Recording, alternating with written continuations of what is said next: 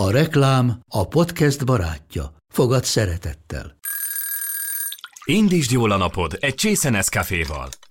Élvezd minden reggel a gondosan pörkölt kávészemek telt ízvilágát, az Európában 100%-ban felelős forrásból származó kávéból készült Nescafé klasszikkal. Tudj meg többet fenntarthatósági törekvéseinkről a nescafé.hu oldalon. Nescafé. Új lehetőség minden csészében. Ez reklám volt, jó volt.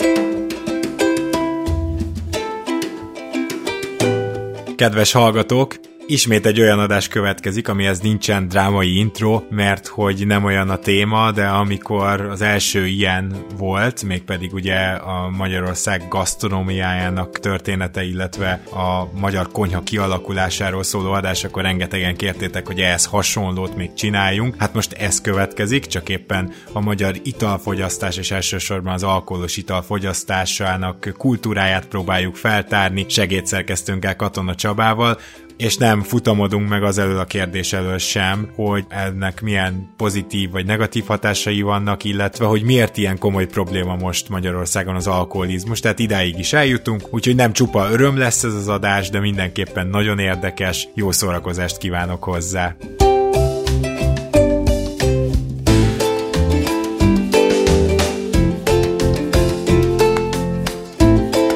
Ez az Itt és Akkor podcast.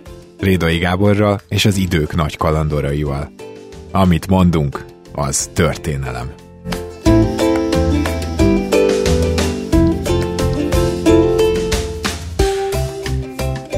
Szép jó napot kívánunk mindenkinek az Itt és Akkor podcastben. Egy különlegesebb adás következik, ugyanis hát a címből is láthatjátok, kedves hallgatók, nem hagyományos történelmi téma ez, de nem biztos, hogy nem jövünk rá rengeteg apróságra az életünkkel kapcsolatban, ugyanis az elmúlt 200-250 év italfogyasztási szokásairól lesz szó Magyarországon, és hát nyilván most is van egy italfogyasztási kultúránk, akár mondható, hogy a magyarokra jellemző italfogyasztási kultúra, amihez valahogy el kellett jutni, és azt mondani, hogy a mostani ilyen kultúránk jó vagy rossz, azt nem nagyon tudjuk, anélkül, hogy ne vizsgálnánk meg, hogy hogyan kötöttünk ki itt. És ehhez pedig nem más lesz a segítségem, mint a podcastünk állandó vendége, illetve inkább nem vendéget mondok, hiszen a segédszerkesztőnkről van szó, aki, hogyha ezt most jól elmondom, akkor büszke magamra, a Magyar Nemzeti Levéltár országos levéltárának munkatársa, Katona Csaba. Szia Csaba! Ismét itt örülök neki, hogy megint beszélgetünk.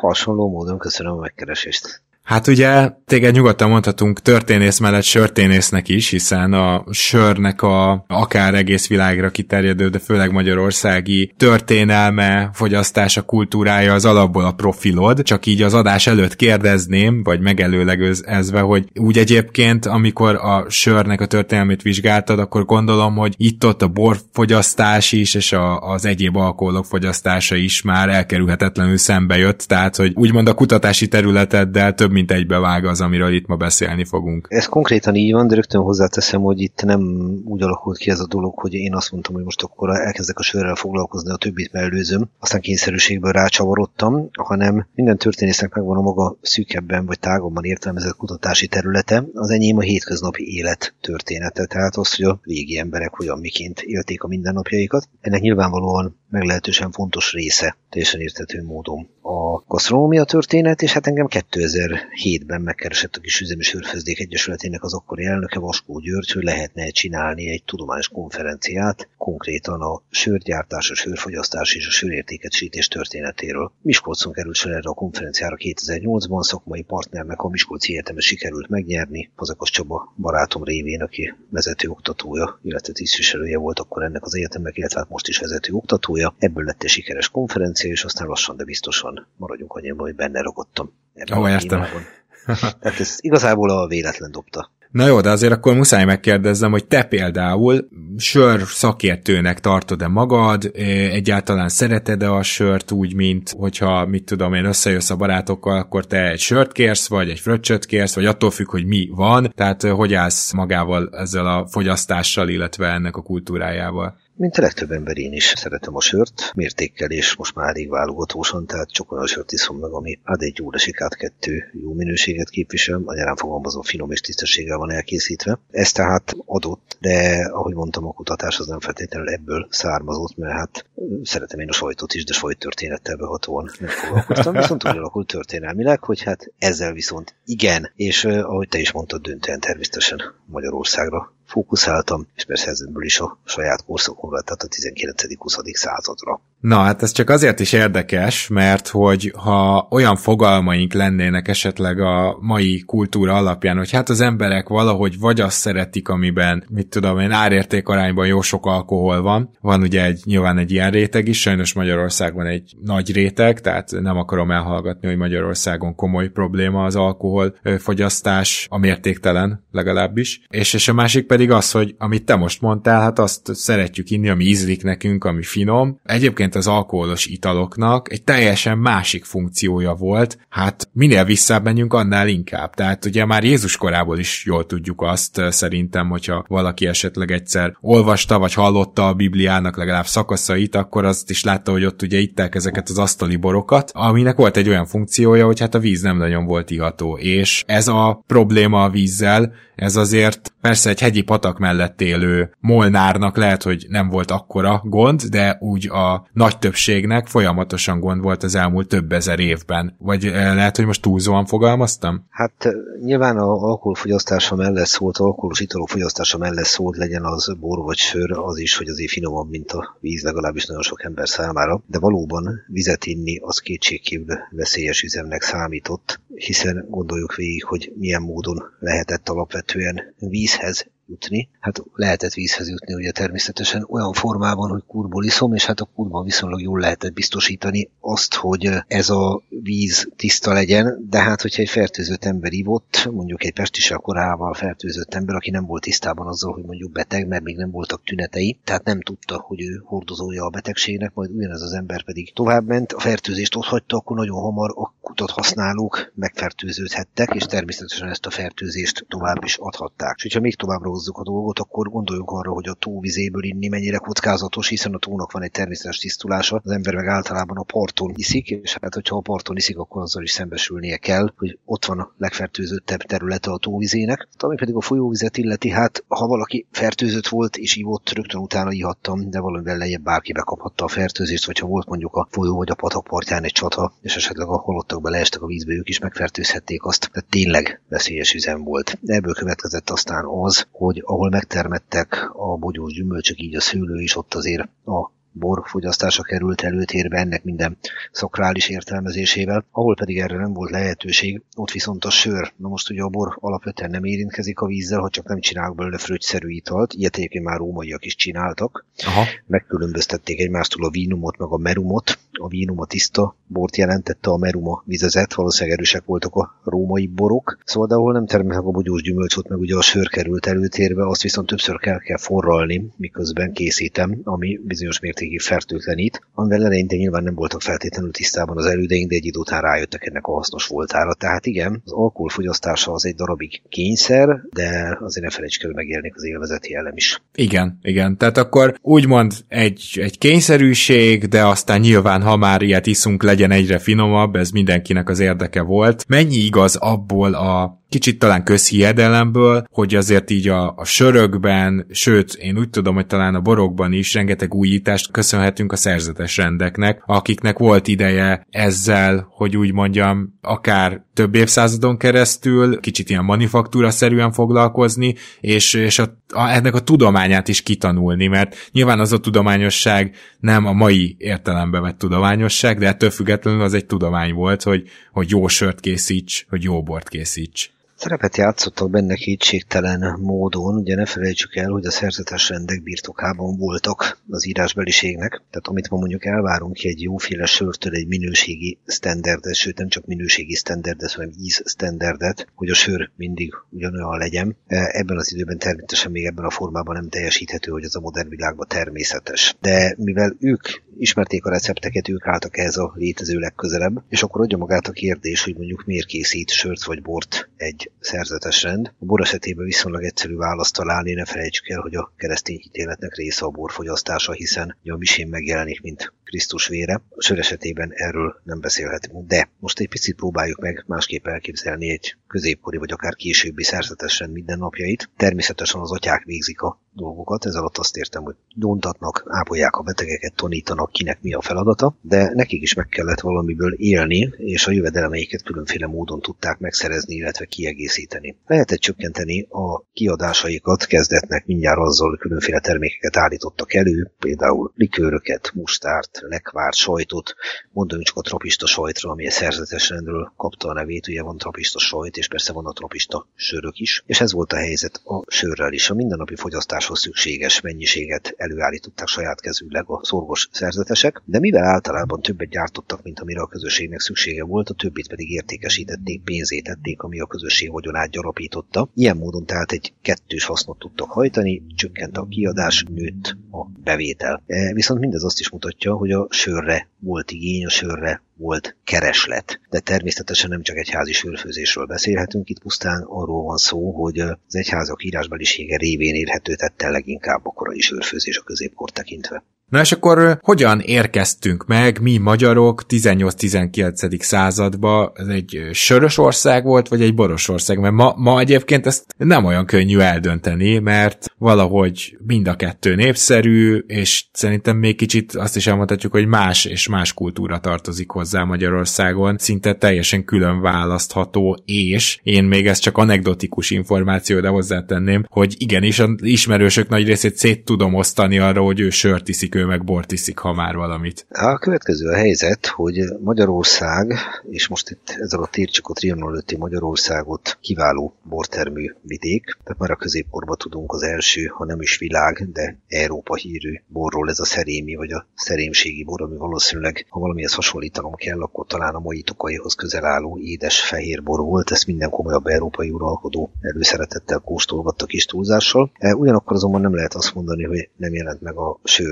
Bort természetesen tekintjük. Itt egy picit megint érdemes megállni, hogy általában az, hogy valamelyik nemzetet borosnak vagy sörösnek jellemzem, ez nem a néplélek vagy valami ilyesmi határozza meg, hanem a gyakorlat. Tehát mindig abból készül a gasztronómia összes fontos adott nemzetre jellemző étel, illetve itala, ami a helyben nagy mennyiségben és viszonylag olcsón megterem. Tehát ebből következik az, hogy Magyarország területén a bor az, az Árpád kortól kétségkívül fontos szerepet játszott, de akkor gondolkodjunk el azon is, hogy 1075-ből, tehát a 11. századból az Árpád korból maradt ránk a Gorom Szentbenedeki alapító levél, ami a Gorom Szentbenedeki monostor tartozikai között kumlóföldeket is felsorol. Hmm. Sőt, sőt, jó eséllyel az 1055-ös nevezetes Tihanyi alapító levél is lehetséges, hogy már kumlóra utal. Szerepel ebben ugyanis egy olyan latin szó, ami így hangzik, hogy kumuló, és lehetséges, hogy ez rét vagy kaszáló értelemben értelmezendő, de bizony az is lehet, hogy a kumulóról van szó. Mindestre bármit jelentsen is ez, az biztos, hogyha 1055-ben még nem is kumulóról írunk, de 1075-ben bizonyosan, tehát ez a 20 év igazából nem oszt, nem szoroz ilyen tekintetbe. Pusztán arra utalok, hogy a kumulót másra nem nagyon lehetett ebben az időben használni, meg később is nagyon, mint a sörfőzésre. Tehát alapvetően a két ital Magyarországon is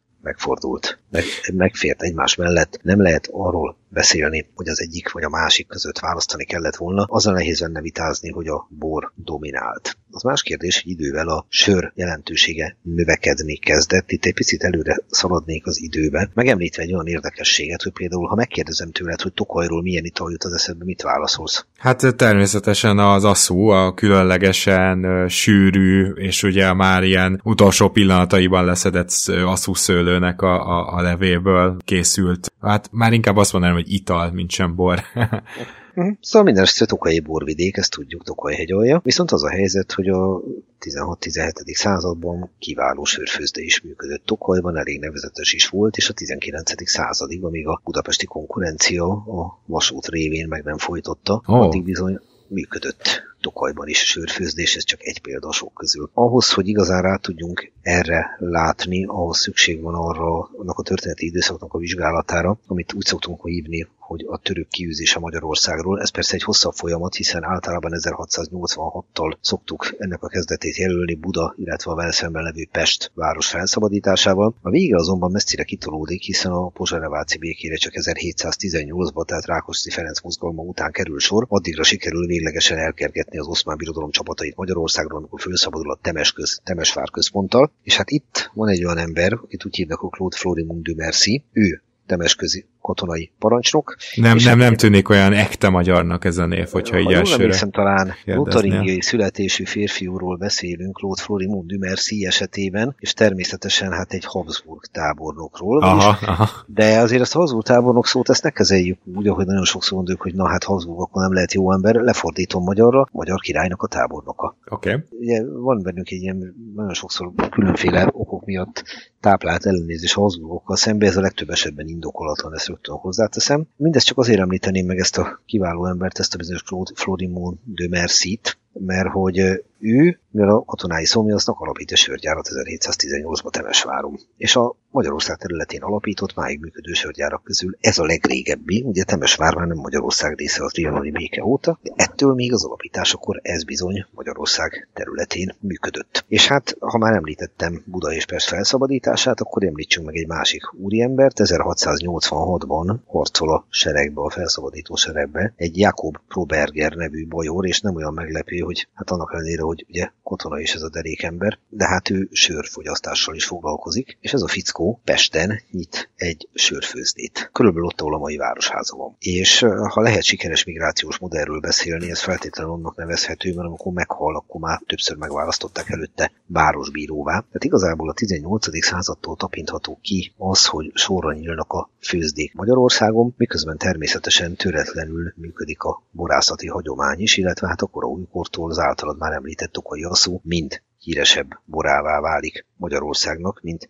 kivételesen finom, kivételesen minőségi, édes csemegebor. Aha, tehát akkor itt már egészen sokrétű volt a dolog. Mielőtt rákérdezek arra, hogy ekkor milyen rövideket ittunk, szeretnélek megkérdezni, hogy mi volt más mondjuk egy, nem tudom, budai várpalotában, ott, ott mi történt ivás címén, és mi volt egy vidéki kocsmában? Hát ezt nagyon nehéz megítélni, de egy dolgot ne felejtsünk el, hogy mielőtt sor került volna a közlekedés 19. századi modern reformjára a vasút révén, és így a szállítás reformjára is, gyakorlatilag azt lehet mondani, hogy a legmagasabban kvalifikált társadalmi rétegek kivételével, ha valaki bement egy csárdába, kocsmába, étterembe, csapszékbe, bárhova, gyakorlatilag azt az italt kapta, ami helyben megtermett. Ugyanis az a helyzet, hogy hogyan lehet szállítani különféle italokat, amiket ugye hordóba, panaszkóba, egyelőbe tároltak, Hát igazából lehetett szállítani lovaskocsin, ami azt jelentette, hogy kockázatos volt, télen nem lehetett vele elindulni, eleve kis mennyiségben lehetett vinni és lassan. Meg lehetett szállítani a hajón, de az már még lassabb volt, még kockázatosabb volt szállítani, hiszen a hajó el is süllyedhetett. Hát, arról nem beszélve, hogy ahol nincs víz, ott nem tudok hajózni. Igen, igen, igen. Én úgy tudom, hogy maga a portói bor, ami igazából azt hiszem vagy konyakkal, vagy brandivel van keverve, most meg nem mondom, de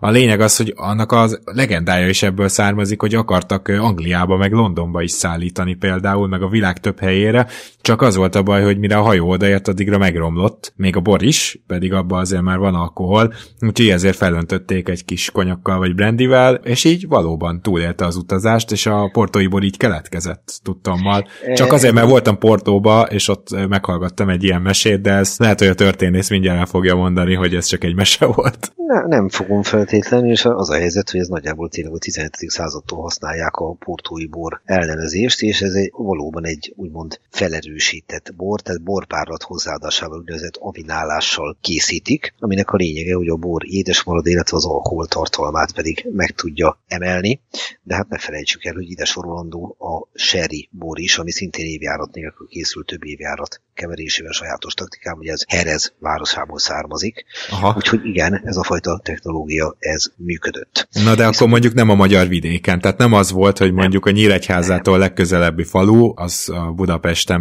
megtermelt sörből, vagy a Balaton felvidéki borból kapott volna. Nagyon nem. Az átlagember azt itta, ami helybe termett. Tehát egész egyszerűen a szállítás az nagyon-nagyon problémás dolog volt. És azt lehet mondani erről az egészről, hogy igazából kevés rálátásunk van, ugye köszönhetően a források hiányának idézőjelben köszönhetően. Nagyon nehéz tendenciákat, mintázatokat fölrajzolni, azt azonban tényleg el lehet mondani, hogy amíg a vasút be nem hálózta Magyarországot, addig jellemzően a helyi italokat itták, és ez mindenre igaz. Tehát ezt nagyjából így kell elképzelni, hogy az a fajta széleskörű választási lehetőség, amit ma alapvetően tekintünk, hogy bemegyünk valahova, és külföldi bor, magyarországi bor, több borvidékről, meg egyéb italok, ezt nyugodtan elfelejthetjük. Ez ebben az időszakban nem létezett. Voltak kivételesen jó termékek, amik például eljutottak királyi udvaróba, és nem véletlenül említettem a tokai aszút, az eljutott az orosz cárhoz, eljutott a francia királyhoz, de ezeket nyugodtan tekintsük kivételnek. Kivételnek, aha. Alapvetően a lokál bír, lokál spirit, lokál wine volt az, ami jutott az embereknek, és az is csak akkor meg tudták fizetni. Na igen, akkor viszont beszéljünk egy picit arról is. Nyilván erre nem fogsz tudni egyértelmű választ adni, de van valami tipped arra, te aki tanulmányoztad a, akár 18-19. századunk hétköznapjait, hogy az alkoholizmus az vajon hasonló probléma volt, mert hogy ugye most azt mondják, hogy az egymillió alkoholista ország a Magyarország, lehet, hogy ez túlzó, de félelmetesen sokan küzdenek kisebb vagy nagyobb mértékben ezzel a gonddal. Mi volt a helyzet mondjuk a 18.-19. században? Erre vannak valami nyomok? nagyon-nagyon nehéz beszélni.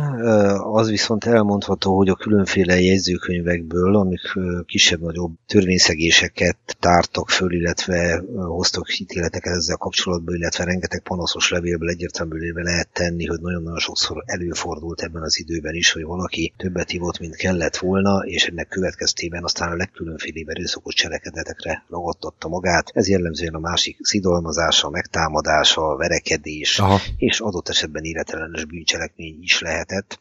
Tehát az, hogy a mértéktelenség tortült, az gyakorlatilag folyamatosnak mondható. És nem véletlen, hogy hát különféle módon e, igyekeztek ezeket szankcionálni. Persze egy időben volt egy olyan hozzáállás is, hogy a részeg ember igazából kevésbé büntethető, hiszen nem tudja, mit cselekszik. Nagyon jól tudjuk, hogy a modern jog ezt teljesen másképp látja, tehát súlyosbító körülménynek tekinti. Nagyon érdekes, amit most mondtál, tehát akkor gyakorlatilag mondjuk, hogyha a 1860-ban lerészegedem, és véletlenül, mert annyira részeg vagyok, hogy csak megfogtam a széklábot, aztán ütök, kiverem a másik szemét, akkor az nem, hogy nem súlyosbító körülmény, enyhítő körülmény volt? Legalábbis igyekeztek ezzel védekezni, tehát ha. hogy nem voltam az a szemnél, de nem véletlen, hogy aztán a modern jog egy teljesen más döntést hozott, hiszen az is döntés, hogy annyit iszok, hogy képtelen vagyok uralkodni az indulataimon. De azt is hozzá kell persze tenni, hogy a modern ember és a modern világ hétköznapi viselkedésének az egyik legfontosabb eleme, hogy tűrtöztetem az érzelmeimet. Tehát Igen. egyszerűen viselkedem, mert társadalmi térben vagyok. A 19. század első felében nagyon-nagyon sok emberre ez még nem volt jellemző, tehát sokkal nem jó itt a szó, de értsétük jól, hogy miről beszélek, őszintében élték meg a pillanatnyi érzéseiket, és ebből fakadt az, hogy rengeteg apró, cseprű, erőszakos bűncselekmény volt ebben az időben az alkoholtól függetlenül is, az megint egy más kérdés, hogy az alkohol erre természetesen rá tud erősíteni. Úgyhogy ilyen értelemben tényleg el lehet mondani azt, hogy megvolt annak a veszélye, hogyha valaki túl sokat iszik, akkor képtelen kontrollálni magát. Nagyon-nagyon hosszú folyamat az, még társadalmi és emberi elvárás lehet, hogy ne viselkedjünk így. A korai, és ez nyilván nem a 19. század eleje, de korai plakátok, korai újságok, ott, ott voltak ilyen kampányok, hogy, hogy mértékkel így áll, vagy, vagy, vagy bármi hasonló, amiről esetleg tudsz. Tehát, hogy foglalkoztak-e ezzel a, a, a médiumok? Hát amit biztosan lehet mondani, hogy például a bencés szerzeteseknél szabályozták azt, hogy egy nap egy szerzetes mennyit ihat. Egészen konkrétan meg volt ennek a neve, ennek a mennyiségnek, hogy mennyit szabad fogyasztani a borból, és ennek az volt a neve, hogy hemina. Hmm. Tehát mint a Hermina, de ugye ez egy nagyon érdekes dolog, hogy mennyi az egy Hermina, mert azt nem lehet egészen pontosan tudni. Tehát a legbiztosabbnak tűnő meghatározás kellő szakralitással az így hangzik, hogy az a mennyiség, amit ha elfogyasztok, közelebb érzem magam az úrhoz, de még nem engedem, hogy megkísértsen az ördög. Oh. nagyon szépen hangzik, viszont igazából tényleg itt arról van szó, hogy nyilvánvaló ezzel a gátvetéssel, tehát hogy ne korlátlanul, ne nyokló nélkül fogyasszunk, alapvetően a bárdolatlan és vállalhatatlan viselkedést akarták korlátozni. Teljesen érthető módon, ugye, akárhogy is nézzük. Úgyhogy igen, volt erre példa, meg arra is, hogy ostorozták a részegeket, akár vallási alapon, akár más módon, de ez természetesen nem azt jelenti, hogy ezek a törekvések sikerre vezettek. Egyébként konkrétan Nurszai Szembenedek, tehát a Bencésed alapítója rendelkezett erről a hemináról, és nagyon szépen fogalmazta meg a dolgot. Így fogalmazott, hogy ha tekintetbe veszük az erőtlenek gyöngeségét, azt tartjuk, hogy minden egyesnek elég lesz napjában egy heminabor. Akinek azonban Isten megadja az önmegtartóztatás türelmét, tudják meg, hogy külön jutalmuk lesz érte. Mm. Tehát ugye ez egy nagyon lényeges dolog, hogy hogyan fogalmazta meg, hogy ne tagadjuk meg, az erőtlenek gyöngesége a nagyon szép fogalmazás. Igen. Így folytatja. Ha a helyi viszonyok a munka vagy a nyári hőség miatt többre lenne szükségük, azt az előjáró ítélje meg, de mindenképp ügyeljenek arról, hogy sokat ne ígyanak, vagy éppen meg ne részegedjenek. Bár azt olvastuk, hogy a bor egyáltalán nem való szerzeteseknek, de mivel korunkban lehetetlen a szerzeteseket erről meggyőzni, legalább abban egyezünk meg, hogy ne ígyunk a telítettségig, hanem mértékletesebben, hiszen a bor elszakítja Istentől még a bölcseket is. Ha, na, na akkor most... ennek tükrében megkérdezem, hogy honnan jött az a mondásunk, hogy a bor a lélek itala? Hát ez nagyon érdekes dolog, mert például a 19. században, amikor ugye próbál a magyar boros szakma egyebek mellett azzal érvelni, hogy a hazai fogyasztó hazai bort jó, mert akkor mindent nemzeti költösbe öltöztetnek kis túlzással a THY-nal. Uh-huh. Most abban az időben lehet látni olyan újsághirdetéseket, amik arról szólnak, hogy sajnálatos módon a magyar emberek elkezdenek inni vizet, és ez nagyon nem szerencsés, mert hát a bor áll közel a magyar lelki alkathoz, mert az a magyar embert, aki egyébként is őszinte, még őszintébbé teszi, és hogy mennyire szerencsés dolog, hogyha ezért bort iszunk, és nem valamiféle más dolgot. Tehát azért ne felejtsük el, hogy valóban a bor az alkalmas arra, hogy feloldjon bizonyos gátlásokat. Ekképpen akár azt is, ha valaki tas állapotban elmond olyan dolgot, amit nem akar. Aha. Ennek helyzettől függően lehetnek előnyei meg hátrányai. Azt pontosan tudjuk, hogy sajnálatos módon a alkoholos befolyásoltság nem mindenkit abba az irányba viszel, hogy pusztán a szavi révén válik őszintébbé, hanem hát van, aki ilyenkor elalszik, megint más megpróbálunk kultúráltan körülírni, szerelmes természetű lesz, megint más pedig agresszív, tehát az alapvetően a túlzó fogyasztásnak a veszélyével mindenkorban tisztában voltak. Értem. Na akkor beszéljünk egy picit a, a pálinkáról például, meg egyáltalán az erősebb szeszekről. Ez a magyar hát italfogyasztás, italkultúrának mikor lett a része, és itt például mi a helyzet a 18.-19. századdal? Az a helyzet, hogy égetett szeszeket nagyjából már a középkorban is találunk, a középkorban Aqua Ardens, Aqua Vitae, Aqua Beate néven, ezek nagy valószínűséggel eleinte inkább orvosi céllal készültek, hiszen az felfedezte a középkor embere is, hogy bizonyos fajta betegséget, fertőzéseket meg tud fékezni, lassítani tud, vagy talán orvosolni is tud a töményszesz. Erre utal az aquavite elnevezés, ami latinul azt jelenti, hogy az életvize. Aztán a másodlagos hasznosítására utal az aquabeate, ami pedig már azt jelenti, hogy a boldogság vize. Tehát ugye itt nyilván azt érzékelték, hogy az beteg embert, ha megítatják, lehet, hogy felépül, lehet, hogy nem, de egy darabig vidám. Ebből a aquabeate-ból származik egyébként a whisky szó is, hogy még egy kultúrtörténet érdekességet hozzátegyünk. Na most, ami a magyar pálinkát illeti, és nagyjából a 17. századtól ez a szó megtalálható, de szinte biztos, hogy szláv nevezetesen szlovák eredetű, tehát az akkori felső Magyarországban on élő szláv anyanyelvű, egyszerűen szlovák emberek találhatták ezt ki, de azt rögtön hozzá kell tenni, ez a bizonyos történelmi magyar pálinka, ez sokkal inkább talán a viszkihez, esetleg a vodkához állhatott közel, mert ezeket rózsból, búzából, kukoricából, burgonyából, hajdinából, édes gyökerekből készítették. Egyszerűen azért, mert nem volt még olyan gyümölcs hozamunk, hogy abból lehetett volna az azonnali fogyasztáson, meg esetleg a lekváron kívül más csinálni. Az megint egy más kérdés, hogy egy bizonyos ponton túl aztán elkezdtük ízesítgetni, annak rendje és módja szerint ezt az italt, majd egy bizonyos ponton túl pedig már el lehet mondani azt, hogy hát gyümölcsből készítettük a pálinkát. Korábban egyébként inkább az éget bor szót használtuk, ez már 16-17. században megvolt, de megint csak mondanám, hogy ez borseprőből, gabonából, esetleg törkőből készült, aha, aha. hibás borokból, tehát tényleg nagyon sokáig gabona párlatot jelentett. Aztán viszont a bőségesebb termésnek köszönhetően elkezdtük ízesíteni a különféle ilyen pálinkáinkat, majd egy ponton túl eljutunk oda, nagyjából a 18. században, hogy immáron, de már a 17. század végén csak például szilvából készített pálinkát említenek, tehát igazából itt egy folyamatnak vagyunk a tanulni, amikor eljutunk oda, hogy büszkén emlegetjük a különféle magyar gyümölcspálinkákat.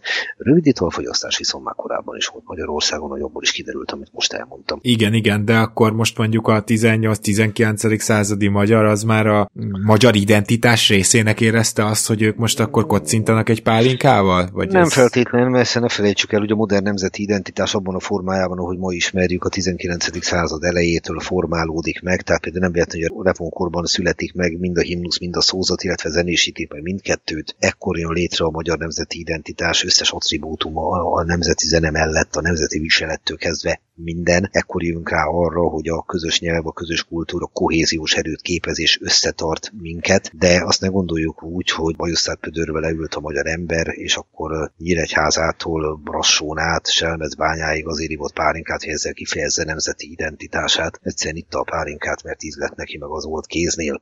Az, ahhoz a abszolút a modern kor kell, hogy elkezdjünk abba beleállni, hogy bizonyos ételek vagy italok úgy részét képezik a nemzeti kultúrának, és büszkén elmondhatjuk magunkról, hogy igen, ez magyarosnak számít, ez viszont meg már külön podcast adása lehetne, hogy hogyan és miként teremtjük meg a magyarosnak nevezett konyhát. Igen, ez egy külön podcast adása is.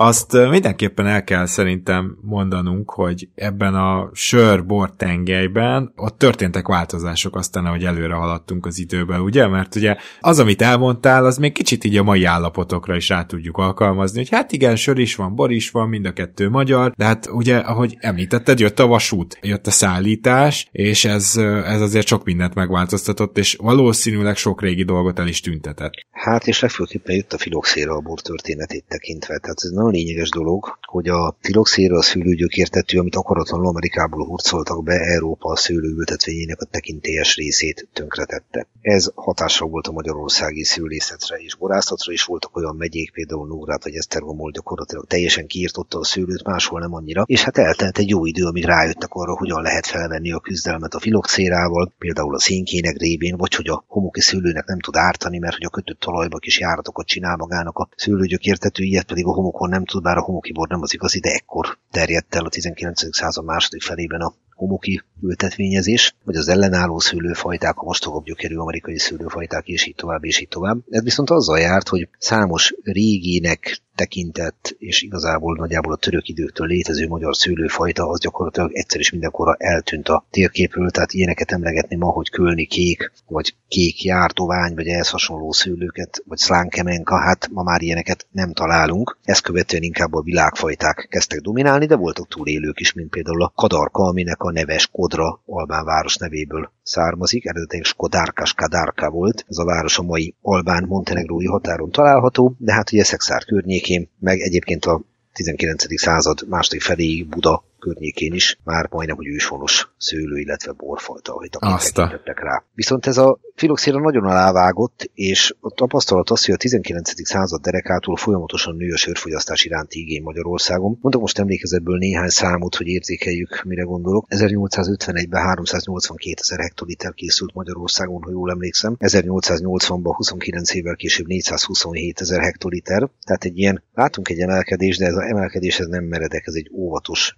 növekedés. 1895-ben viszont már 1,2 millió hektoliter sörről beszélhetünk. Na most Hoppá. ebbe kétségkívül belejátszik több tényező, az egyik ugye a filoxéra, tehát a bor által szükségszerűen üresen hagyott piaci résbe benyomult a sör, a söripor kiaknázta ezt a lehetőséget, kellett egy olyan ital, amit viszonylag nagy mennyiségben, viszonylag olcsón és nem túl magas alkoholfokkal elő lehetett állítani. Ez volt a sör. A másik, az megint a vasút szerepe, hiszen egy sörfőzde korábban annyi sört készített, amennyit a közvetlen környékén el tudott adni. Nem érte meg többet csinálni, mert ugye a szállítási lehetőségek roppant korlátozottak voltak. Viszont a vasút révén a korábbiakhoz mérten soha nem látott mennyiségben és sebességgel lehetett szállítani bármit, éppen sört is. És akkor így lesz a merészebb sörfőzdékből egy idő után részvény társasági alapon működő, szigorúan nyereségorientált, a kapitalista szabadpiaci versenyben résztvevő sörgyár, aki jóval nagyobb mennyiségű sört készít a korábbiakhoz mérten, a vasút révén benyomul a konkurencia területére, megjelenik a modern reklám, megjelenik az üvegeken, megjelenik a sörös alátéteken, és aztán bedönti a konkurenciát. Visszautalva az előbbi számokra, itt említettem, hogy 1851-ben ugye 382 ezer hektoliter sör készült Magyarországon, 5-600 főzde állította ezt elő, ellenben a másik adat, amit 1880-ból említettem, a 427 ezer, az meg ilyen 110-120 ezer főzde, mert a többi elvérzett a szabadpiaci kapitalista versenyben. És ugye sorra jönnek létre a sörgyárak, aztán köszönhetően a filoxérának is. Említeném a legérdekesebb példát talán mind közül, ez nem más, mint a Soproni sörgyár, az ugye a mai napig létezik, tehát ez egy igen, nem igen. újat. Na, és hát a következő a helyzet, hogy ezt két testvér hívja életre, méghozzá ez a két testvér, ez német anyanyelvű, konkrétan, és nem csak, hogy német anyanyelvű, hanem mindenek tetejében még zsidóvallású is, és morvák. Tehát a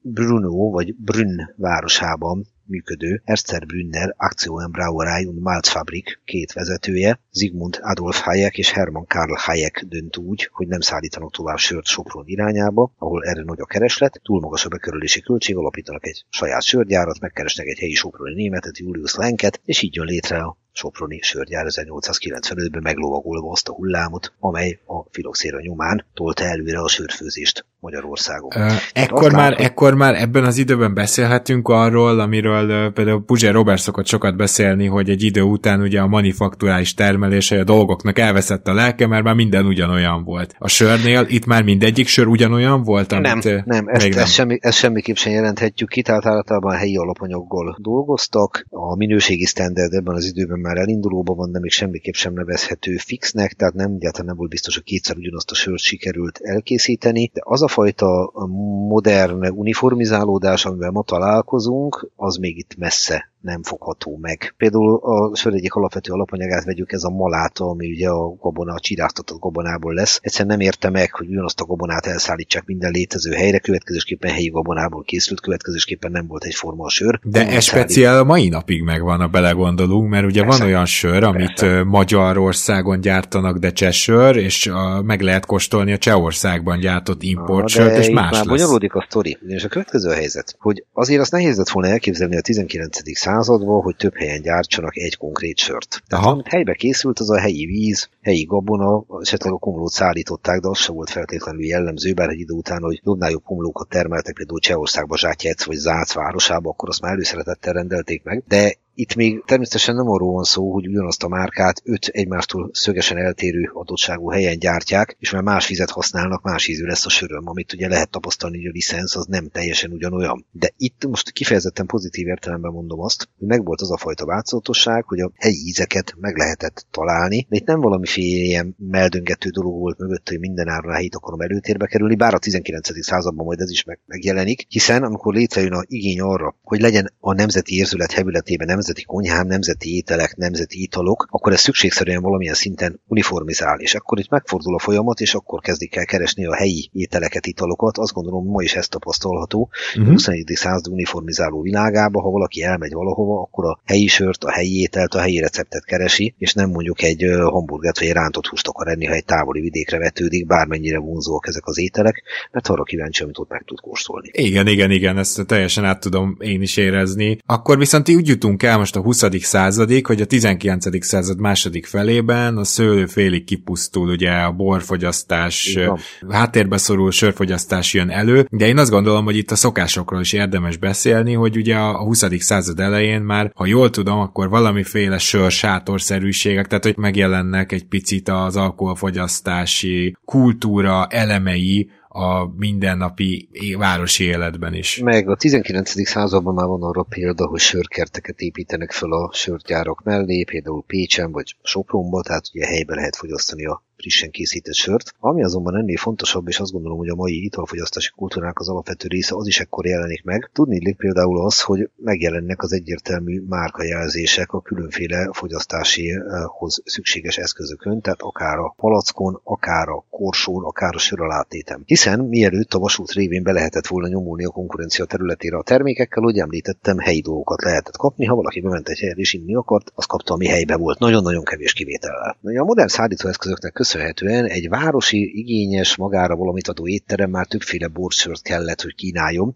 Ebből következően a palaszkon is minden egyéb helyen meg kellett szólítani a kedves fogyasztót, törekedvén arra, hogy márkahű fogyasztót alakítsanak ki. Tehát egyértelmű színek, betűk, feliratok, és gondoljunk azokra a szép sörös címkékre, amiket már a 19. században látunk, de ugyanez az a boros címkére is, ahol leírják, hogy mikor alapították a céget, milyen típusú borban menne, hol található, ez melyik évbe készült, majd egy idő után, hogy milyen díjakat nyert, és így tovább, és így tovább. Mindez az információ áradat tájékoztatta a kedves fogyasztót, hogy választani tudjon, illetve önreklámul is szolgált. És ez mennyire így van, hadd mondjak egy olyan dolgot, ami modernnek had, de már régebben meg volt, ez a sörös keks, tehát a söralátét, ugye? Aha.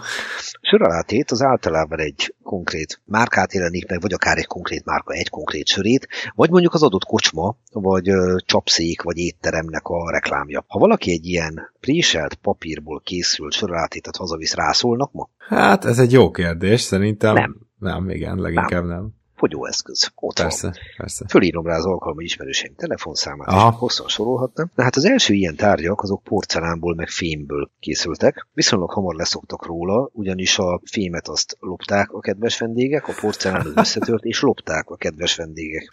Tehát innentől kezdve nem érte meg ebből készíteni. De például megjelennek ilyen dolgok, hogy mondjuk a kutyanyelv, amire ugye a kávéházi költők írták a különböző feljegyzéseiket, vagy az újságírók, vagy akár a számlatömb, azon is megjelenik a márkajelzés, és a megjelennek a reklámok, a falon a plakátok, és még hosszan lehetne sorolni. Tehát csupa olyan dolog, amiket ma természetesnek tartunk, ez igazából a 19. században jelenik meg, és indítja el a sör, bor és minden egyéb ital fogyasztását abba az irányba, hogy egyértelmű módon tudjuk azonosítani, hogy melyik cég melyik termékét fogyasztjuk, és ugye ma már egyre nagyobb igény van arra, hogy lássam az évjáratot, az alkoholtartalmat, a szárazanyag tartalmat, küvélyesen Igen, igen, összetevőket. Hosszan-hosszan sorolhatnám, na ezekben az időben alakul ki ez a fajta igényesség. Annyi fórumon mondtad már el, hogy a sörrel nem kocintunk szokás, az egy hülyesség, hogy most meg se kérdezem. Inkább azt mondanám, hogy voltak-e kocintási szokások, voltak-e alkoholhoz köthető rituálék a 19. században, esetleg a 20. század elején, vagy ez mikor és mivel kapcsolatban jön be? Többféle is volt, tehát kezdjük mindjárt azzal, hogy van ugye az a fajta kocintás, amikor összeütjük a korsókat, vagy egyéb italos edényeket, de van az a fajta is, ami Dél-Németországra jellemző, a Bajor meg a Sváb vidékre, vagy akár Ausztriára is, az asztalhoz kocintjuk, ugye? Ezzel Igen. is lehet találkozni. Aztán van például egy nagyon szép mondás, ami úgy hangzik, hogy peched van. Ez a pech, ez alapvetően szurkot jelent, tehát a latin pix szurok származéka az ófelnémetbe került át, és hát van egy olyan városi legenda, ami vagy igaz, vagy nem, hogy a régi sörös korsók alján volt szurok, hogy ne folyjon ki belőle semmi, ugye ezek még fából készültek. A pekhed van arra utalt, hogy egy darab szurok van a sörödbe. Tehát, hogy ez a mondás is állítólag a korabeli sörfogyasztási szokásokat őrzi, de a legfontosabb talán mindközül, amit megérdemes megemlíteni, az nem más, mint a különféle asztaltársaságok. De az asztaltársaságok esetében arról beszélünk, hogy vannak különféle vendéglátóipari egységek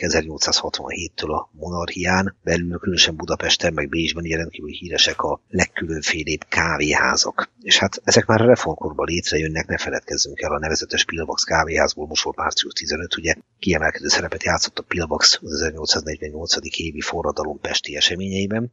Nos, arra akarok utalni, hogy ebben az időszakban, tehát még a monarchia előtti időszakban, a reformkorban egyebek mellett azért jártak kávéházba az emberek, mert nem volt központi fűtés, nem volt központi világítás. Tehát ha hazamentem a lakásomba, akár itt Pest-Budán is, nekem kellett világítani, nekem kellett fűteni. Ugyanez viszont meg volt a kávéházban, de az hagyján, hogy meg volt, még társaság is volt. És a 21. századi ember, aki nagyon túl van terhelve, információk, amely zúdul rá, mindenféle üzenet, messenger, Twitter, Isten tudja mi minden, meg lépten nyomon szembe jön valaki. Ezzel szemben a 19. század első felének az embere mai fogalmaink szerint valami végtelenül ingel szegény környezetben élt. Uh-huh. Tehát például a bécsi híreket ma másodperceken belül tudjuk meg az internet révén, akkor meg ki kellett szeretni a kikötőbe itt Pesten, és lesz a hajóról leszálló embereket foggatni, hogy mi újság Bécsbe. Aha.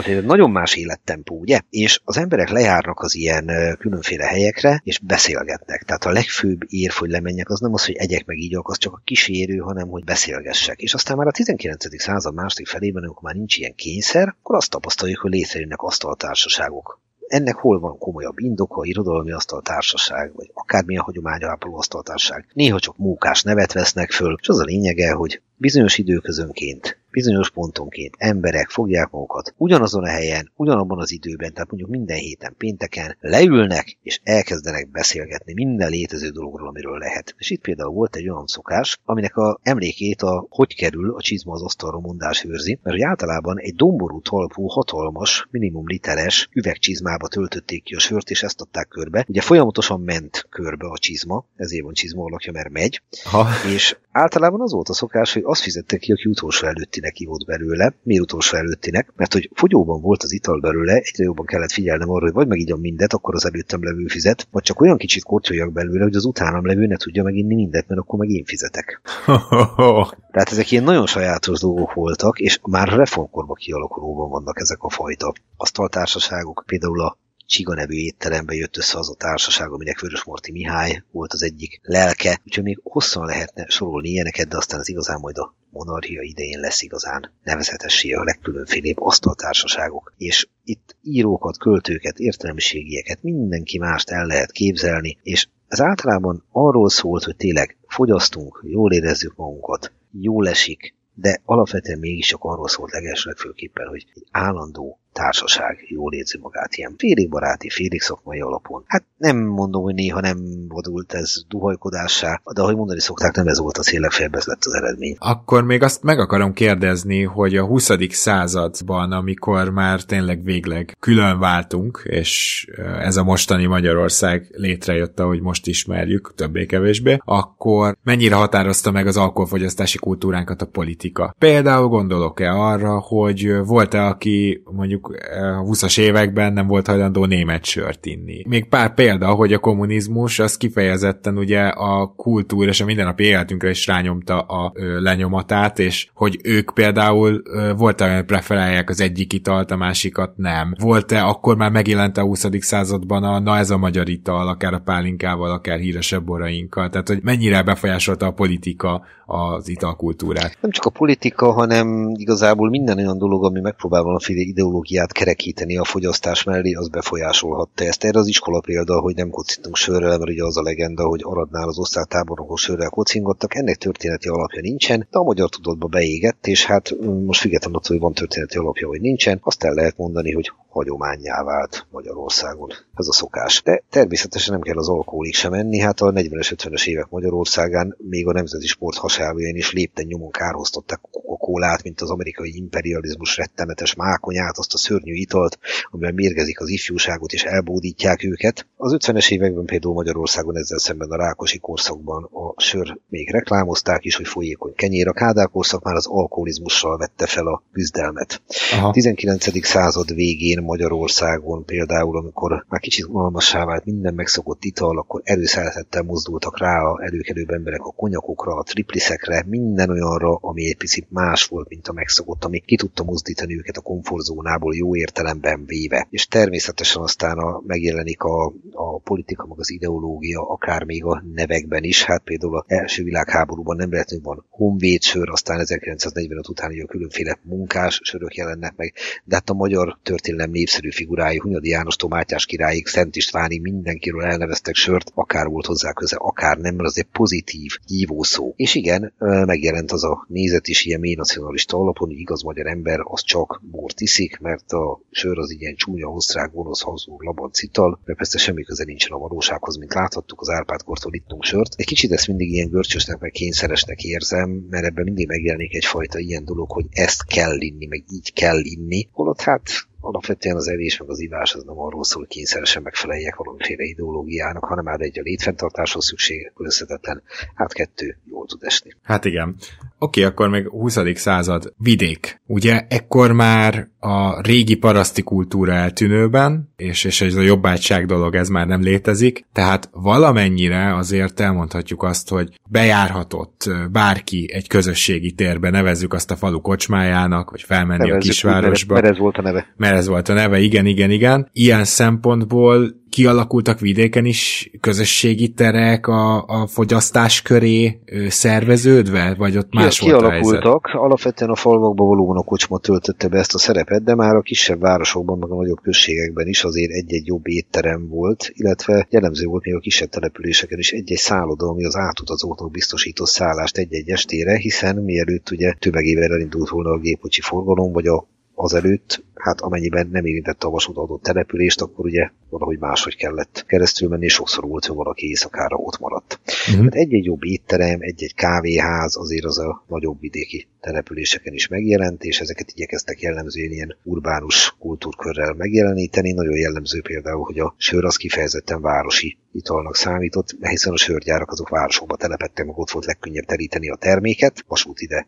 vagy oda. A bor az sokkal inkább az egész ország itala volt olyan értelemben természetesen, hogy az bárhol megtermett gyakorlatilag az ország egész területén. De az a fajta uniformizálódás, amit aztán mondjuk már a Kádár korszak 70-80 éveiben tapasztalunk, hogy minden településen lehet kapni két-háromféle sört, meg néhányféle bort, és mellé a különféle pálinkákat, meg egyéb rövid italokat, például a magyar szeszipar olyan csodáit, mint például a kevert vagy a mecsekítóka. Hát ez a 20. század utolsó harmadára ez már bőségesen megjelent. De, de akkor most visszatérve arra, hogy, hogy itt igazából most már közösségi terek alakulnak ki, már közös piálások vannak, csak hogy, hogy mai nyelven mondjam, tehát, hogy ez valahol az elődje annak a buli kultúrának, ami, ami ma létezik. Nem biztos, hogy egyeneságon, de az biztos, hogy az eseményekhez, akár a lerészekedés, de jobb esetben csak az italfogyasztást, azt, azt már korábban hozzá kötöttük, akkor még az volt a közösségi esemény, hogy összegyűlünk. Ma is ez a közösségi esemény, csak ugye bejött a, emellé a buli kultúra is, hogy és nem, nem véletlen az, hogy akkor most ez a két hát, dolog megint összejön. Buli kultúra akkor is volt, meg gondoljunk a különféle csárdákban, a cigánzenekarra, a mulatozásra, a duhajkodásra, akár a paraszti vonalon, akár a gentris vonalon, tehát a,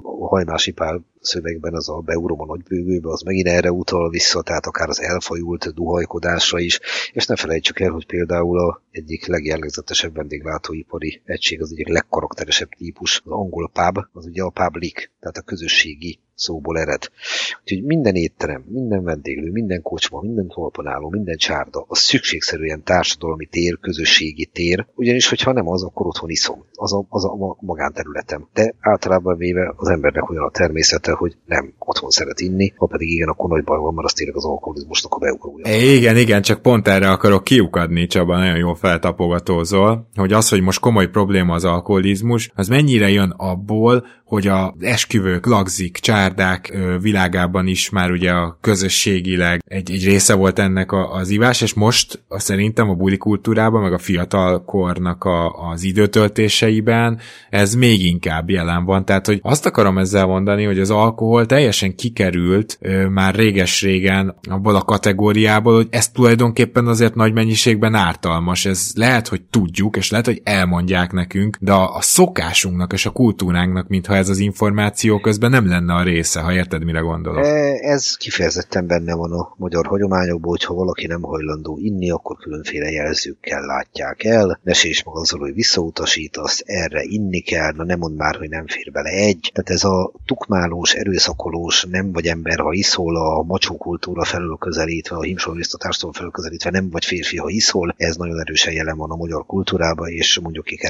ez egy rendkívül káros dolog, hiszen ebben a formában, ilyen mennyiségben az alkohol hát egy mindenképpen árt, másfelől pedig tetszik vagy nem, amikor valakit rá akarok arra kényszeríteni, úgy viselkedjen, ahogy ő nem akar, az az erőszaknak egy formája. Tehát minden ilyen dolog, hogy na, nem is vagy az igazi barátom, nem iszol velem egyet, ez minden ilyen dolog, ez egy burkolt és idézőjelben finom erőszak, de mégiscsak erőszak. És ez honnan eredeztethető? Mert azért ez nem biztos, hogy teljesen új keletű dolog. E- erről van valami infód? Vagy inkább a kommunizmusnak a... Nem a... kell ez a kommunizmusig menni, hát ugye az, hogy úgymond főleg a, a fiatalabbak azok méregetik az erejüket, mert minden létező dolgokba összemérik magukat, gondoljunk a, a verekedésekre, a célba lövésekre, minden egyébre. Ez, hát ez ennek a jobb formája a csocsóasztal, meg a dársztábla mondjuk. Természetesen igen, tehát ahol játékos formában összemérjük az erőnket, kigúnyoljuk a másikat, ha a 10-0-ra nyerek a csocsóban, mászom a csocsó asztal alatt, tudjuk, hogy van egy ilyen szokás, ami nem van egy kis megalázás, de azért még mindig a játékosság szintjén van. Persze. Viszont nyilván nagyon nem mindegy, hogy hol van a határ és hol van a mérték, illetve miben csináljuk ezt, mert hát lehet vetélkedni mondjuk abban, hogy most két foci csapat összeméri az erejét, én szurkolok a én csapatomnak, a másik a másiknak, de hát lehet vetélkedni nagyon-nagyon káros, kártékony, duhajkodó szóba. Hát hányanról hallottunk már, amikor, amikor azt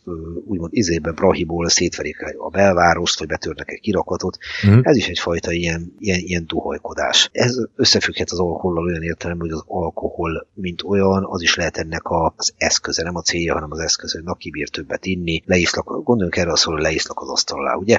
Aha és még 20 lehetne sorolni. De erről meg nem az alkohol tehet, hiszen, ahogy mondani szokták, annyiszor hallottam, hogy az internet káros, mert mennyi hülyeség terjed rajta. Igen, de az interneten nem csak hülyeség terjed.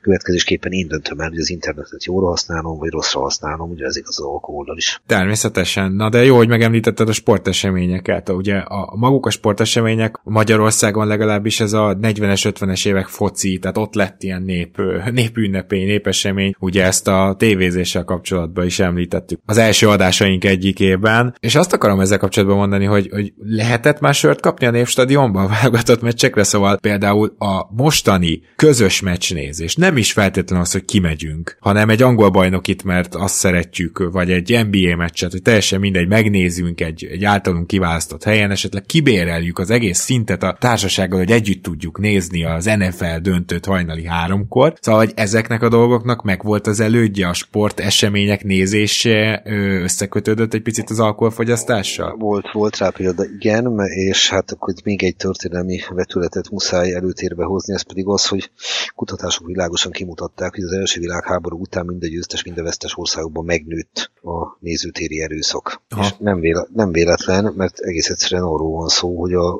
világháborút túlélő, évekig a fronton harcoló fiatal katonák életének a részévé lett, hogy fizikai erőszakkal valósítják meg az akaratukat, hiszen a fronton mit tanul meg egy katona, hogy azt, amiért a civil életbe büntetik, nevezetesen az erőszakoskodásért ott kitüntetik. Tehát az, amiről beszélünk, amikor mondjuk Vietnám kapcsán, hogy képtelenek voltak visszaéleszkedni társadalomba az emberek, ez bizonyos mérték már az első világháború után megjelent a társadalmakban. És ez párosulva az alkohol, túlzott alkoholfogyasztás káros hatásával, ez nagyon negatív dologhoz vezethetett. Hadd mondjak erre egy viszonylag ismert példát. 1919. március 21-én ezt az évfordulója kezdetét veszi a Magyarországi Tanácsköztársaság 133 napig tartó vörös terrorba forduló uralma. A tanácsköztársaság vezetősége az első számú dekrétumát a statáriális eljárásról hozta, tehát az első számú határozata arról szólt, hogy rögtön ítélőbírósággal járnak el szükség esetén. Kettes számú határozatuk pedig a teljes alkoholtilalom volt. Tehát a totális alkoholtilalom, ahol azt, aki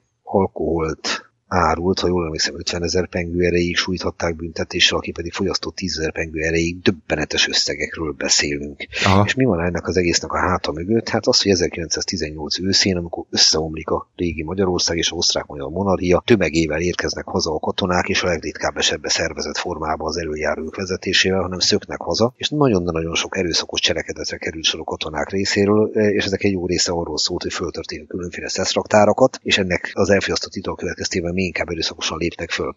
Tehát van az egy gyönyörű szép városi legenda, hogy ha összetartják a monarchia hadseregét, akkor nincs trianon, mert meg tudtuk volna védeni a határainkat, szó nincs róla. Négy-öt év alatt morálisan, testileg, lelkileg összetört hadsereg, katonái érkeztek haza, nem szervezett hadsereg érkezett haza, és iszonyatos mennyiségű baj volt velük, iszonyatos mennyiségű probléma, és erre még a tanácsköztársaság is reflektált, pedig hát aztán a tanácsköztársaságról sok mindent lehet mondani, csak azt nem, hogy egy pozitív fejezete lett volna a magyarországi történelemnek, de a kettes számú dekrétumok bizony arról szólt, hogy totál totális alkoholtilalom, és nem véletlen, hogy az első világháborút követően született egy ilyen döntés. Igen, tehát teljesen független attól, hogy épp a tanácsköztársaságnak, vagy, vagy, vagy Ez nem más... kérdés igen. a helyzetben. Benne igen. volt természetesen az is, hogy követték a szovjet mintát, de itt leginkább a gyakorlati problémáról beszélünk. Értem, értem. Van még két dolog, amit szeretnék a 20. századdal kapcsolatban megkérdezni. Az egyik az az, hogy a magyar borászat az hogy került bele a reneszánszába, amit most lehetne vitatni, hogy ma is tart-e még a mai, mai borászok, szerintem azt mondanák, hogy nem, de az biztos, hogy a, például a rendszerváltásnál egy nagyon érezhető reneszánsza volt a magyar borászatnak, és ezt gondolom már talán korábban is elkezdődött. Hát nagy, nagyon jót tett középtávon a magyar borászatnak a filoxére, ugyanis a szükséges fej fejlesztéseket, ami egy modern borászati kultúrához kellett, azt folyamatosan halogatták, a filoxéra következtében viszont ezt muszáj volt megtenni. Megjelentek például a modern eszközök mellett a világfajták, és a világfajtákat könnyebb volt külföldön eladni, mint a sokszor kimondhatatlan nevű régi magyar borokat, meg egy világfajta iránt eleve nagyobb volt a bizalom a külföldi vásárló szemében. Valaki májvott egy jó francia sárdonnét, könnyebben nyúlt egy magyar sárdonnéhoz, mint ha azt mondtuk neki, hogy kéknyelű, amit se elolvast és se kimondani nem tud. Ezeket a mai napi probléma például a cserszegi fűszeres, ami egy kiváló bor, külföldön nehezen eladható. a neve miatt. De Aha. nyilván a szocializmus idején valós piaci viszonyok hiánya, amikor ilyen állami kézbe került a borászat, akkor nem beszélhettünk arról, hogy a csúcsra járt a magyar borászat. A rendszerváltás ezzel szemben meg lehet kisé kapitalista módon, de visszahozta a valódi piaci viszonyokat, tehát valóban egy komoly rendeszánszáról beszélhetünk a modernkori minőségi magyar borászatnak, és igazából el lehet mondani azt ma is, hogy vannak egészen kiváló nemzetközi szintet bőven megütő magyar borok, meg vannak olyan is, és amik nem ilyenek. Hát ez kétségtelen, de például ugye az egész villányi borvidéknek a felemelkedése az azért ilyen szempontból egy új dolog, nem? Mert tudom, hogy Szexárd az régebb óta van, és hogy persze villány is már régóta borvidék, de, de az, hogy gyakorlatilag nemzetközi hírű boraink jönnek onnan. Voltak olyan borvidékek, ahol kifejezetten jót tett ez a 19. 20. század végi 21. század elejé boom, és igen, tudtak élni ezzel a lehetőséggel, és felrakták magukat a nemzetközi térképre. Na a másik, amit meg akartam kérdezni, talán akkor így az adás lezárásaként, bár még majd utána szeretném, szeretnék megkérni, hogyha bármit úgy érzel, hogy kimaradt, azt mondd el, de hogy ez az alkohol gyógyszer, meg a pálinka gyógyszer dolog, ez honnan ered, ez olyan, mint valami népi hagyomány, mint amikor valaki ezt mondja nekem, ha mondjuk a nagymamám, nem tudom, hogy mondta el, nem emlékszem, de azért valahogy ezt bele tudjuk képzelni a nagymamánk szájába, hogy hát a pálinka gyógyszer ide erre egy pálinkát, mint hogyha 200 évvel ezelőttről zengene vissza rajta keresztül. Az egész mondásnak olyan íze van, de ne, nem tudom, hogy valójában ez hova vezethető vissza. Egyrészt természetesen tradíció, tehát hogy említettem a legkorábbi szeszes italok, most már jó ezer év távlatában ugye még eredetileg gyógyászati céllal készültek, de más kérdés nagyon hamar rájöttek, hogy igazából van ennek egy másik hatása is, az meg kellemes is tud lenni, akár. Én azt gondolom, hogy egyrészt hagyományra vezethető vissza, tehát az embert úgy nevelték, hogy na, bajod van fiam, szédülsz, fáj valamit, lázad van, ráz a hideg, így áll pálinkát, az mindjárt jobb lesz. Aztán vagy jobb lett, vagy nem, de a pálinka íz lett. A másik pedig természetesen egy önfelmentő gondolat, miszerint nem azért iszom, mert meg akarok inni minden árra egy felesz, egy kupicát, hanem azért, mert ez gyógyszer. Ugye az egészségünkre mondás, hányszor lehet hallani, na ígyunk még egyet csak egészségünk megőrzése érdekében. Ez tehát egy félig tréfás, félig komoly, de igazából egy önfelmentő duma, ami arról szól, hogy na, inni akarok még egyet, és akkor iszom még egyet. De akkor ezt jól sejtem, hogy ez súlyos generációkon átívelő mondás, és nem most az elmúlt húsz évben Abszolút mértékig, és nyilvánvaló, hogy így a modern időkben az ebbe vetett hit, miszerint tényleg orvosság a pálinka, az gyakorlatilag redukálódott majdnem a nullára. Korábban ez a hitbéli meggyőzés talán erősebbnek volt mondható, de akkor sem ez dominált. Na jó, hogyha bármi érdekességed még lenne itt az elmúlt időkről, én nagyon szívesen fogadom, de hogyha meg nem, akkor valahogy csak a véleményedre vagyok kíváncsi, hogy lehet, hogy, hogy, hogy nem történelmi kérdés, de az, hogy most az alkoholizmus komoly probléma Magyarországon, annak szerinted vannak-e történelmi okai? Történelmi okokba bele lehet kapaszkodni, de nagyon nehéz a 21. századi alkohol túlzottan preferáló embert azzal védeni, hogy szegény azért iszik, mert nem bírja feldolgozni trianont, vagy a világosi fegyverletélt vagy a mohácsi csatát. Igen, igen, igen. igen. maradjunk annyiban, hogy rossz hagyományaink vannak, az egyik legtévesebb megközelítés, hogy minden, ami tradíció, az jó, és minden, ami modern, az rossz. Egyszerre minden tradíció innováció volt, és ezek nem véletlenül jöttek létre. Tehát egész egyszerűen tudomásul kéne venni, hogy vannak olyan hagyományok, amik bizony nem, hogy nem hasznosok, hanem egyenesen kártékonyak. Még mindenképpen a sör kultúrában van egy hihetetlenül elterjedőben lévő új jelenség. Én tudom, hogy Németországban, meg Angliában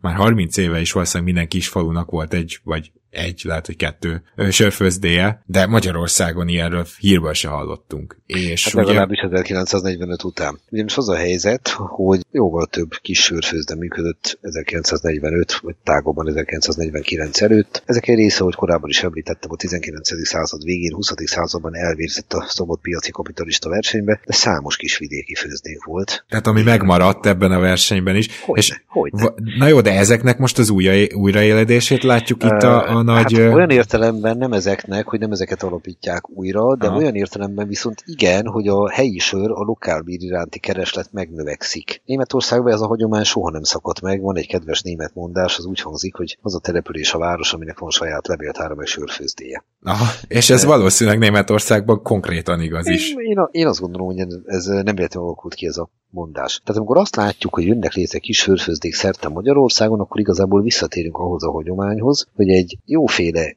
helyi italt tudjunk megkóstolni akkor is, ha sörre vágyunk, és nyilván ezek a főzdék törekednek arra, hogy minél minősébb italt tudjanak letenni az asztalra. Figyelembe véve azt, hogy a 21. században erről többször beszéltünk, tényleg uniformizálódás felé halad a világ, kifejezetten üdvösnek és dicsérendőnek tartom, hogy megvan ez a fajta kezdeményezés. Milyen jó dolog az, hogyha az ember elmegy valahova, és megkérdezi, van-e olyan sör, amit helybe főznek, és a válasz az igen, biztos, hogy megkóstolom. Lehet, hogy nem kérem ki a másodikat, ha nem felel meg az ízlésemnek, de hogy egyesét adok neki, az egészen biztos. Hát igen. Valaha is nézted, hogy milyen pohárba iszod a sört? Attól függ, helyzet és hely függvénye. Nyilván egy igényesebb helyre, ha az ember bemegy, akkor figyelmet fordít arra, hogy megfelelő környezetbe kapja. De hát ez olyan, hogy mondjuk egy három vagy négy csillagos hotel éttermében nyilván elvárom, hogy porcelántányért kapja, tisztán legyen elmosogatva. Sziget Fesztiválon viszont egészen remekül meg tud felelni a papírtálca következésképpen. Körülmények, viszonyok és egyebek függvénye, hogy igényes vagyok-e abban a tekintetben, hogy miből iszom. Igen, igen, ez tiszta sor, csak mert ugye a bornál szinte borfajtára megvan az, hogy milyen, pontosan milyen alakú pohár legyen, stb. Vannak stb. olyan országok, ahol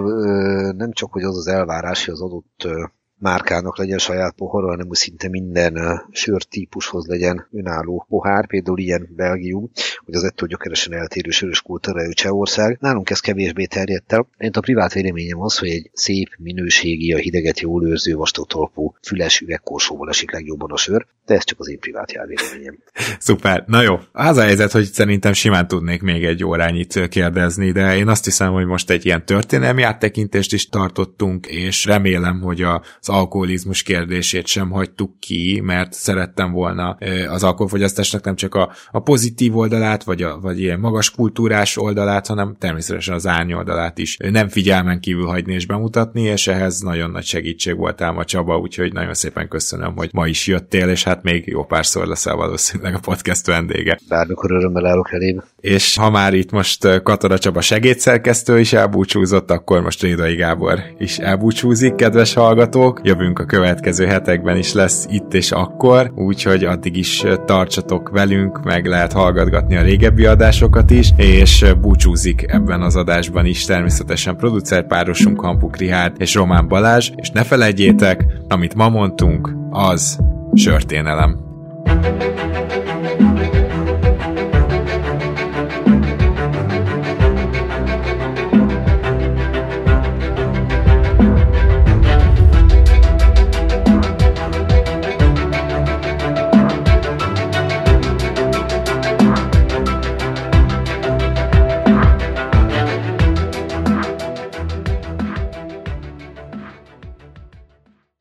Ha más podcastekre is kíváncsi vagy, hallgassd meg a Béton műsor ajánlóját. El tudod képzelni, hogy a podcastet, amit éppen most hallgattál, fél év múlva már a mesterséges intelligencia generálja? Mi sem. De ha érdekel, eljötte már a gépek lázadása. Hallgass bele az Embertelen podcastbe. Orsós Lajos vagyok, a műsor házigazdája. Egyelőre még élőben. Egyelőre. Fedezzük fel együtt, hogyan ismerkedik, randizik, mesél és vitatkozik Betty és Péter, két teljesen mesterséges intelligencia. Lajos, a podcast címét mond még egyszer, Léci. Oké. Okay. Embertelen podcast. Ez egy Béton podcast.